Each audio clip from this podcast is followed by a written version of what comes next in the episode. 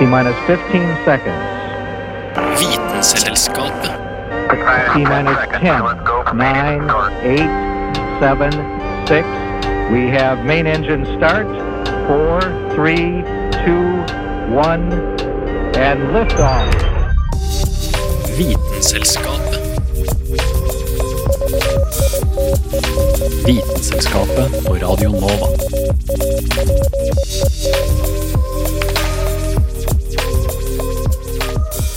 Velkommen til dagens sending av Vitenselskapet. Jeg heter Ida Katrine Vassbotn og skal ta deg gjennom en halvtime med mye bra.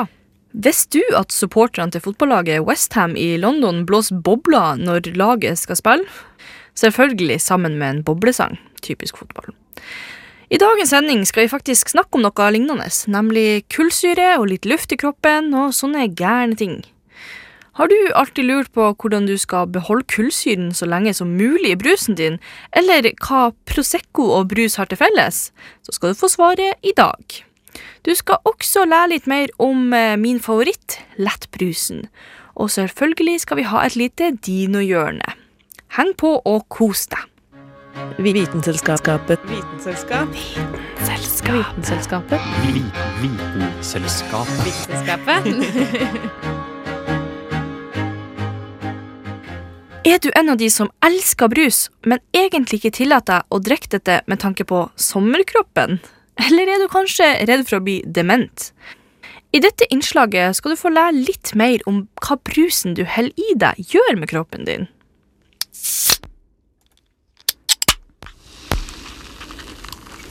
Jeg visste jeg ikke skulle ha drukket den brusen før jeg gikk inn i studio.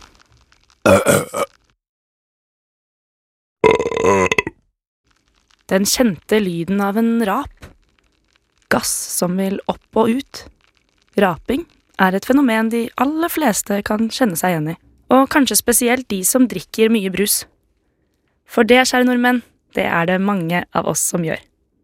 Selv om salgstallene stadig synker, så er nordmenn blant de som drikker mest brus i verden.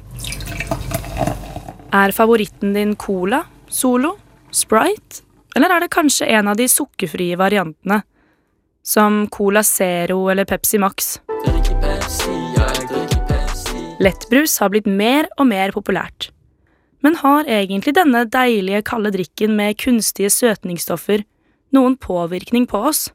For vi gjør slettes ingenting, vi bare rusler pent omkring og drikker brus. Pling, pling, her kommer bruspulvergutten. Det er mange rykter om det kunstige søtningsstoffet aspartam, som befinner seg i de fleste typer sukkerfri brus. Rykter som at det kan endre hormonbalansen, gi deg Alzheimers, kreft, fedme, blodpropp, demens og hjertetrøbbel. Men har noen egentlig bevist at det er noe farlig? Det har blitt gjort mange undersøkelser på konsekvensene av å drikke lettbrus de siste årene. Men de fleste heller vel mer mot at Pepsi Max og annen lettbrus er så å si helt trygt å drikke. I 2015 sa seniorforsker ved Nasjonalt folkehelseinstitutt Trine Husøy til TV 2 at aspartam i de mengdene vi får i oss i dag, ikke er helsefarlig. Jeg vil ha salt,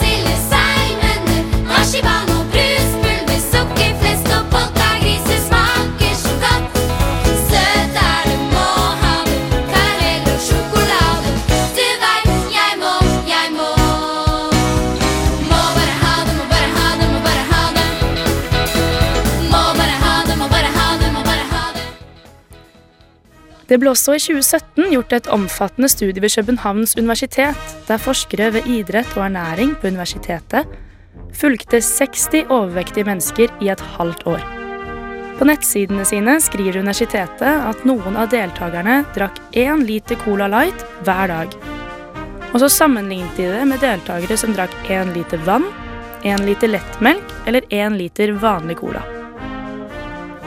Resultatene viste at insulinfølsomheten ikke ble påvirket av sukkerfri brus, sammenlignet med vann, melk eller brus med sukker. Det var heller ingen endring på vekten til deltakerne som drakk melk, vann eller lettbrus. Men deltakerne som drakk brus med sukker derimot, hadde både økt fett og kolesterolnivåer i blodet. Studentene ved Universitetet i København håper nå at de kan knuse mytene om lettbrus. Mikke, Mikke Mus bodde i et hus. De hadde boller og brus. Men så kom det en pus og sa haba, haba, haba. Så kan man jo diskutere hvor hardt man skal kjempe en kamp for å få den sukkerfrie brusen frikjent. Det er fremdeles mange teorier på at den ikke tilfredsstiller, men øker sukkersuget, fordi ikke kroppen får de karbohydratene hjernen forventer etter søtsmaken. Som igjen fører til høyere inntak av mat med mye fett og sukker i etterkant av et glass sukkerfri brus. Må bare ha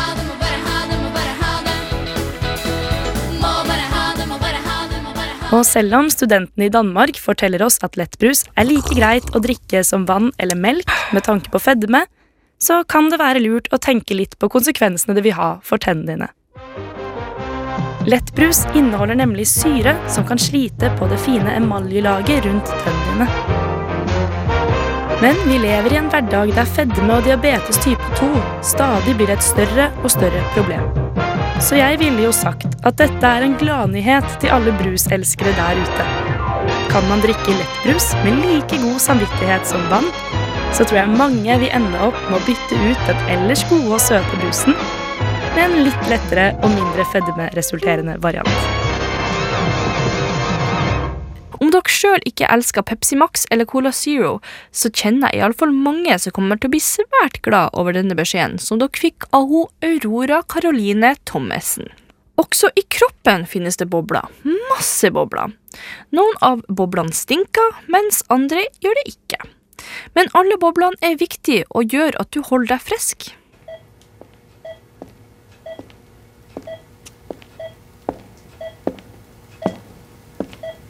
For eh, noen år siden kom det inn en pasient til sykehuset for å operere bort en polypp i tarmen. Denne polyppen ble fjernet ved at de barberte den vekk. Men så begynte pasienten å blø under inngrepet. Legene svei da polyppen for å stoppe blødningen. Og det var da det smalt.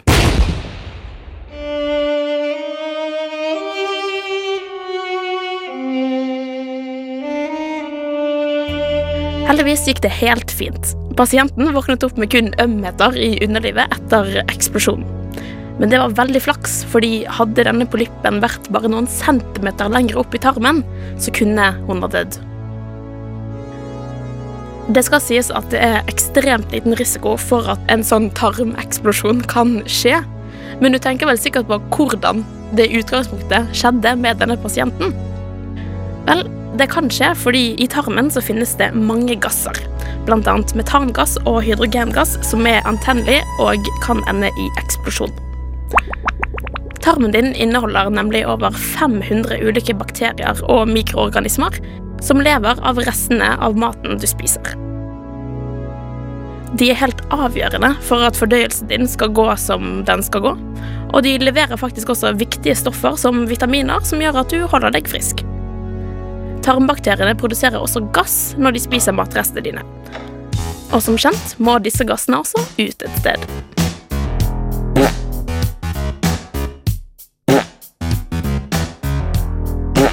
Hver dag produserer vi mennesker mellom en halv til en og en halv liter gass. Og dette tilsvarer omtrent 10-15 utslipp om dagen. Noe av det kommer av luften du svelger mens du spiser, mens resten stammer fra din egen tarm og bakteriene som bor der. Faktisk så er 99% av denne tarmgassen helt luktfri når det kommer ut, mens 1% stinker skikkelig. Og de som stinker, inneholder hydrogensulfid. Både hydrogensulfid og denne eksplosive metangassen konkurrerer med hverandre om å danne hydrogen. Så hvis en person produserer mye metangass, blir det mindre av den stinkende hydrogensulfidgassen. Og så motsatt. Og det her er forskjellig fra person til person. Men de fleste av oss produserer mer av den stinkende gassen fremfor den luktfrie metangassen. Det er med andre ord ikke alle som kan stå ansvarlig for den dårlige lukten i heisen av og til. Men stinkende eller ikke, det nytter ikke å holde luften inne. Den må ut før eller siden. Og det er dessverre helt umulig å redusere utslippene totalt. Men til en viss grad kan du det, om du begrenser inntaket av noen visse matvarer. Poteter, mais, nudler, epler, løk, bønner, hvete.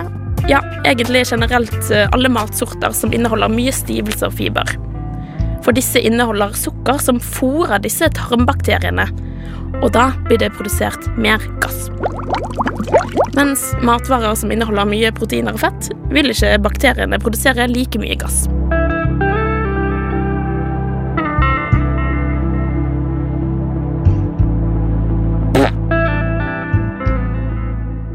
Men alle trenger fiber i maten sin, så det er jo ikke vits å slutte å spise det. Og litt fising er jo ikke farlig, men bare litt gøy, eller Så spis det du vil, og promp det du må. Og denne saken er laga av Prompeguri. Nei da, den ble laga av Anna Vik Røseth. Å vite vet Vitenselskapet. This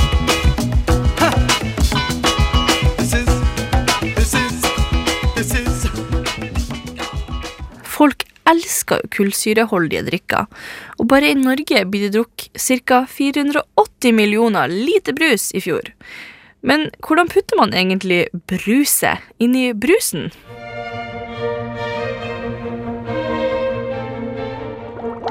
Året er 1767, og engelskmannen Joseph Priestley har nettopp plassert en bolle med vann over et ølbryggekar på det lokale bryggeriet.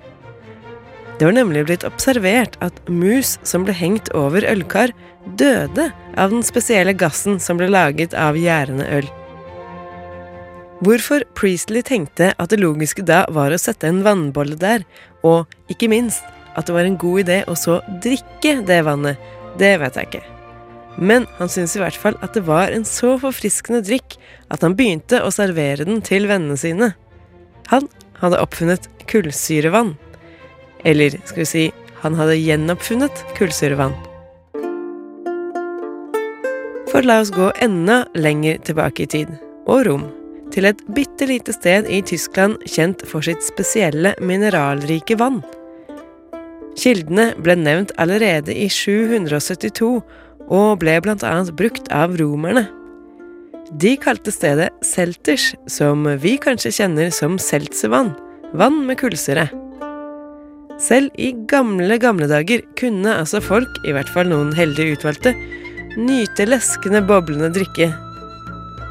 Vannet i Selters hadde nemlig et naturlig høyt innhold av kullsyre pga. mineralene i grunnen. I dag er imidlertid mesteparten av boblene i kullsyreholdige drikker skapt av mennesker. Og bobler i brus er alltid skapt kunstig. Det skjer ved at man løser opp kullsyre, dvs. Si CO2-gass, i vann eller den smaken man vil ha. En brus smaker kanskje best når den er kald, men det er en fordel om den også er kald når gassen tilsettes. Jo kaldere væsken er, jo mer CO2 kan løses opp i den. Det vil si mer fizz. Nå tenker du kanskje at den CO2-mettede brusen er full av bobler, men det er den ikke. Så lenge brusen er i en flaske eller boks under trykk. Det er nemlig når du åpner brusen at kullsyren unnslipper, i form av bobler. Og det er her du kan gjøre ditt for at kullsyren holder seg så lenge som mulig. Drikken er nemlig metta av gass som desperat ser etter en måte å unnslippe på. Hvis eh, glasset du drikker fra ikke er helt rent eller helt glatt, trigger alle disse ujevnhetene bobleproduksjonen. Og et veldig bredt glass gjør at mer gass bobler opp til overflaten og forsvinner, noe som gjør at det blir mindre futt i drikken din. Tidligere var det f.eks. vanlig å drikke champagne av veldig brede, flate glass, men etter hvert fant man ut at tynne, høye, moderne champagneglass beholdt kullsyren mye lenger. Alkoholholdige drikker kan jo som kjent også ha kullsyre i seg, og sånn som champagne får boblene sine på en annen måte, nemlig gjennom gjæring. Når gjæret ligger og koser seg og spiser opp sukkeret i vinen eller ølen, produseres nemlig CO2 som oppløses i drikken. Ekte champagne får med andre ord kullsyre i seg i løpet av den naturlige prosessen, men dette gjelder ikke for alle musserende viner. Prosecco annet skiller seg ut, fordi her tilsetter man kullsyre i vinen etterpå, litt som brus. Det samme gjør man også i mye av ølen vi drikker til vanlig. Ølen du får på tapp, er f.eks. temmelig flat før den pumpes full av gass rett før servering. Og like sikkert som at flatt øl er kjipt, er det at oppfinnelsen av kunstig kullsyretilsetting i drikker radikalt endra drikkevanene våre. På godt og vondt. Hvor mye eller hvor lite kullsyre man vil ha i drikken sin, er jo individuelt. Men hvis du er en av dem som vil beholde kullsyren så lenge som mulig, er et godt råd å prøve å skape så få bobler som mulig. Det vil si, bruk et glatt, rent glass, og ikke putt noe oppi som kan utløse boblene, sånn som isbiter eller f.eks. jordbær i champagneglasset. Skål! Denne saken var laga av Kristin Grydeland. Selskapet. Eh, ja, nå er det tid for Vitenytt, og her i studio så har jeg fått med meg eh, Dag Magnussen. Velkommen. Takk skal du ha. Hei til deg. Hei, hei. Hva skal du fortelle meg i dag? Jo, i dag så skal vi til dyreriket i dette nyhetspregede innslagsbaserte programmet. Vi skal til Afrika, og i Afrika så er det en kar fra universitetet Lausanne som heter Erik Frank, som har reist til. Og han reiste dit ikke for å studere løver, som for øvrig har bitt i hjel en poacher i løpet av helga. Det er jo gode nyheter, det òg, for løvene. Altså, han ble spist før noen rakk å komme til den, og hvis du først skyter løver, så vil jo noen si at det kanskje er fortjent. Men det har jo ingenting med det vi skal snakke om nå å gjøre. For denne mannen, Erik Frank, han skulle ikke ned til Afrika for å studere store kattedyr. Han skulle ned for å studere noe som er mye, mye, mye mindre, og det er maur. Og maur er jo ganske fascinerende skapninger. De er litt sånn som oss, driver og har en sånn koloni inni en tue, og så gjør de mye rart. Og disse maurene her er ganske kule. Disse maurene heter matabelemaur. Har du hørt om matabele før? Nei, jeg har hørt om veldig lite ting innenfor maur, annet enn maur og pessmaur og sånne ting. Matabelmauren er nemlig oppkalt etter matabelestammen i Afrika.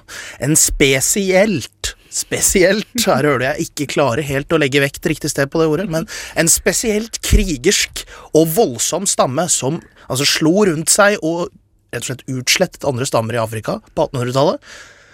Og da kan du jo tenke deg, er denne mauren egentlig en vennlig maur mot andre maurtyper? Termitter. Det høres ut som den driver og dreper alle maurene, for det vil være den eneste maura. Er det, det sånn det? Ja, nettopp. Altså, det, denne mauren er spesiell fordi den er ganske stor, og den jakter i altså, sånn militærformasjon. De setter ut i marsj, og så går de på jakt, og så slåss de. Men hva skjer når man er i krig og man slåss mot en motstander? Man vinner og man taper. Den er god. Men blir man skada, for eksempel? Ja. Og man mister jo litt også. Ja, man, noen dør, noen blir Ja. Og det som nå er spesielt med hva man har oppdaga med den mauren her, er at den gir ikke bare opp sine wounded comrades in battle.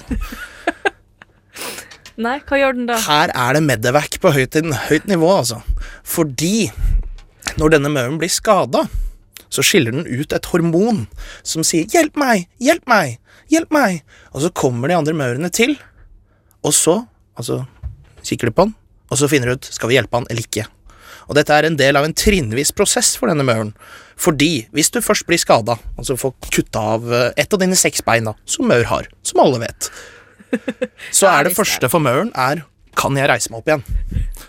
Og hvis den ikke får gjennomført trinn én med å reise seg opp igjen, Ja. så vil den bare fortsette å prøve. Altså Maurene er simple skapninger, altså ikke simple, men enkle skapninger. Og altså, de kommer seg ikke videre derfra. Men har den klart uh, steg én, reise seg opp, så roper den på hjelp. Hjelp meg, hjelp meg! Den lager faktisk lyd. Nei, men den roper på hjelp gjennom feromoner. Den har et eget 'hjelp meg'-feromon som den sender ut til de andre maurene. Og da kommer det maur bort til den, og så, og så ser de på den, og så sjekker de. For har mauren for store skader, altså fått bitt av fem ben, for eksempel, så er ikke den nyttig for kolonien etterpå. Men har den bare mista to, så tenker de andre maurene nå redder vi han her, fordi det økonomisk er gagnbart for vår koloni ikke sant? å ta med han tilbake og lege han ved å Ja, altså ved å slikke på sårene. Av en eller annen grunn funker Vent, dette. vent, vent, vent, vent. Har de tunge? Ja. Ok. Ja.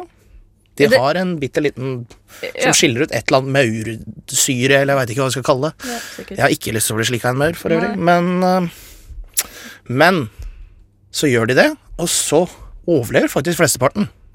Men det litt spennende her er jo at denne forskeren Han var ikke fornøyd med å bare observere dette, han måtte jo teste det. Så ved et uhell, sier han selv, jeg synes det er litt grusomt, så kjørte han over en maurtropp som var på vei tilbake fra jakt, over veien. Og så observerte han Med dem bil? med bilen sin. Ok. Og så så han på dem, og så så han altså denne praksisen i praksis. Hva maurene gjorde, hvordan de så på hverandre osv. Mm. Og så kommer de jo tilbake, men han har plassert små kameraer inni tua, ikke sant. Og så klarte han på et eller annet vis, det ikke spør meg hvordan du klarer å holde på inni en maurtue, men han klarte å adskille altså skadede maur fra de som skulle hjelpe dem. For å teste overlevelsesraten, ikke sant. Disse maurene fikk hjelp, disse fikk ikke, selv om de fikk bli med tilbake, da.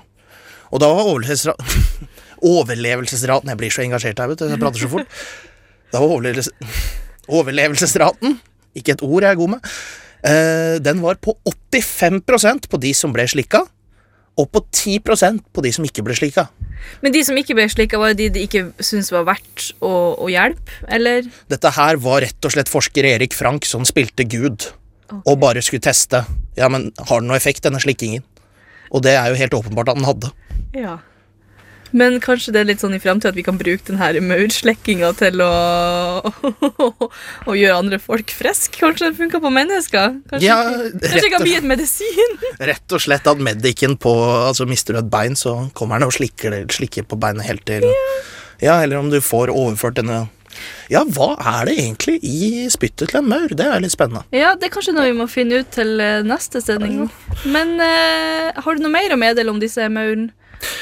Nei, altså, de er veldig kule, de er veldig store, de jakter på termitter, og de hjelper hverandre. Men kun hvis det gagner fellesskapet som helhet. Så de er veldig økonomisk bevisste. Det er vel, ja, kan vel være siste ord om matabellemauren. Kanskje litt kynisk. Ja. Men eh, ja, ja. Hvis det funker for dem, så supert. Takk til deg, Dag. Og hyggelig å ha deg her i studio. Takk for at jeg fikk komme. Du hører på Vitenselskapet på Radio Nova.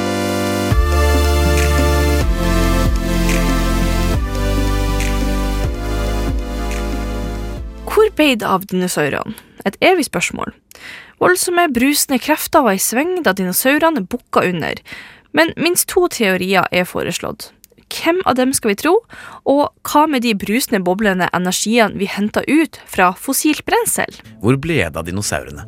Jeg mener, bortsett fra de avianske dinosaurene vi nå vet er fugler, som stammer fra ornithischia-gruppen av gigantreptilene, så døde jo resten ut under den kataklysmiske hendelsen mot slutten av krittiden for 65 millioner år siden. Den mest berømte utrydningsfortellingen i livet på jorda. Men det var ikke den første, og blir mest sannsynlig ikke den siste. Utrydningshendelsen som markerte slutten på dinosaurenes herredømme på planeten, markerte også slutten på krittiden, og begynnelsen på den geologiske perioden kjent som paleogen. Det er lett å tenke at dinosaurene, som jo besto av mange tusen arter og hadde en enorm rekkevidde på jorda, var den eneste gruppen som døde ut under hendelsen, men rundt 50% av alt livet på jorda strøk med. Planktonet som levde på den tiden, for eksempel, fikk hard medfart. Haiene, som det var mange arter av i dinosaurtiden, ble også redusert i antall. Og ikke minst flyveøglene og mesosaurene, havuglene, døde ut. Selvsagt praktisk for oss pattedyr, som nå kunne fylle de mange nisjer som sto ledige etter dinosaurenes bortgang. Men foreløpig har jeg ikke sagt noe om selve hendelsen. Hva i all verden skjedde? Forskere fokuserer gjerne på to teorier. Massivt asteroidenedslag eller utbredt og intens vulkanisme. Begge teoriene hevder at massive mengder gass, støv og avfall ville blitt slengt opp i atmosfæren, for dermed å blokkere for solens livgivende stråler. Dette ville i sin tur føre til forstyrrelser av jordens fotosyntese og skape kaskader av hindringer opp og ned næringskjeden. Når dette dødelige mørke teppet hadde begynt å trekke seg tilbake, dog, så ville drivhusgasser fanget i atmosfæren føre til temperaturendringer som ville gå hardt utover de gjenlevende organismene. Uansett teori er det her snakk om eksplosive, brusende krefter. Men hvilken skal vi tro på? Den utenomjordiske nedslagsteorien eller supervulkanismeteorien, gitt at konsekvensene er de samme? En hypotese er knyttet til stoffet iridium, som er et metall som er sjeldent på jordoverflaten, men som er å finne i kometjord og asteroider som har truffet jorden. Det oppsiktsvekkende er at det i det sedimentære jordlaget fra utryddelsestiden er funnet iridium i større konsentrasjoner enn vanlig. Forskere tror at en gigantisk asteroide traff jorden med voldsom fart, og ved innslaget fordampet, for på den måten å ha slengt masse iridium rundt omkring på jorda. Noe som støtter hypotesen, er funnet av et krater i Mexicogolfen, Yucatan-halvøya, som er et 180 km bredt krater. Og det krateret er datert til akkurat 65 millioner år siden. Men iridium finnes også i jordens kjerne, og kjernen er hjemmet til store mengder magma, som noen vitenskapsfolk hevder ble spydd opp 2,4 km i atmosfæren og spredte seg utover et område på 2,6 millioner kvadratkilometer over India for, du gjettet, 65 millioner år siden. Begge teoriene har dermed fordeler. Noen tror på den ene, noen den andre, og noen igjen mener at kun en eksplosiv kombinasjon av vulkaner og asteroide var tilstrekkelig for å utrydde dinosaurene. Apropos gass og støv, så er det slik at både kull, naturgass og pet petroleum, også kjent som olje, stammer fra levende organismer som levde for lenge siden. Kull, olje og gass er såkalte fossile energikilder, nettopp fordi de er fossiler, altså forstenede, eller i dette tilfellet forkullede og forgassede rester etter planter og dyr. Det organiske materialet blir kraftig komprimert og er en glimrende kilde til energi, som vi mennesker lenge har dratt nytte av. But after relying on muscle power for so long, humankind found a way to tap into the energy buried deep in the earth.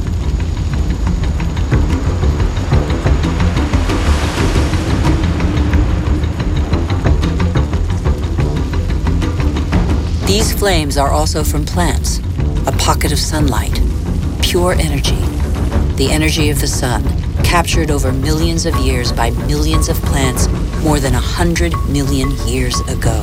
It's coal, it's gas, and above all, it's oil.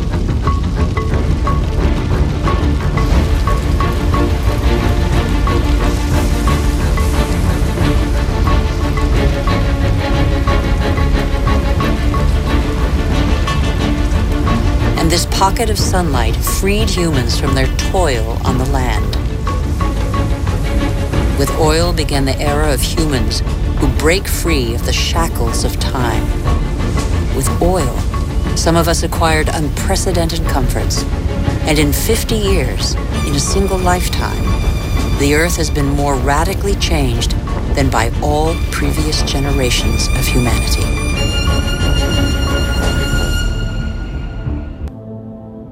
Problemet er bare at det tar millioner av år for kull, olje og gass å oppstå, da lag på lag av døde organismer akkumuleres og fossiliseres.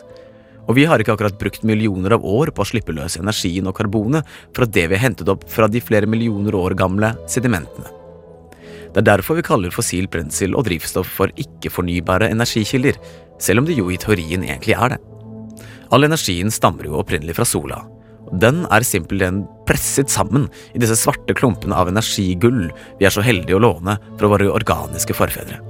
Dessverre er det ikke så mange dinosaurer vi brenner, da de ikke rakk å bli fossilisert i tide til den slags bruk. Kanskje vi en dag kommer til å være fossilt brensel for dinosaurlignende hominider. Det var Dinihjørnet, din dose dino i hverdagen, og det var Dag Smedling Dramer som laga det til deg.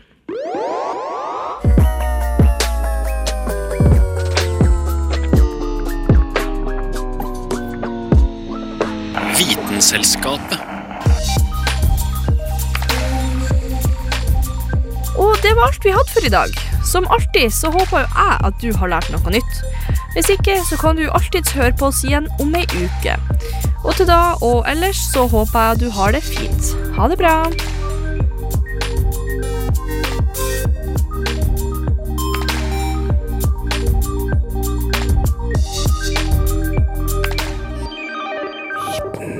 Vitenselskapet.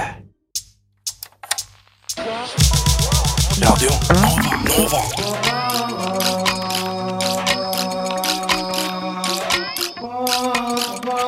1982 har Radio Nova gitt deg favorittmusikken din før du visste at du likte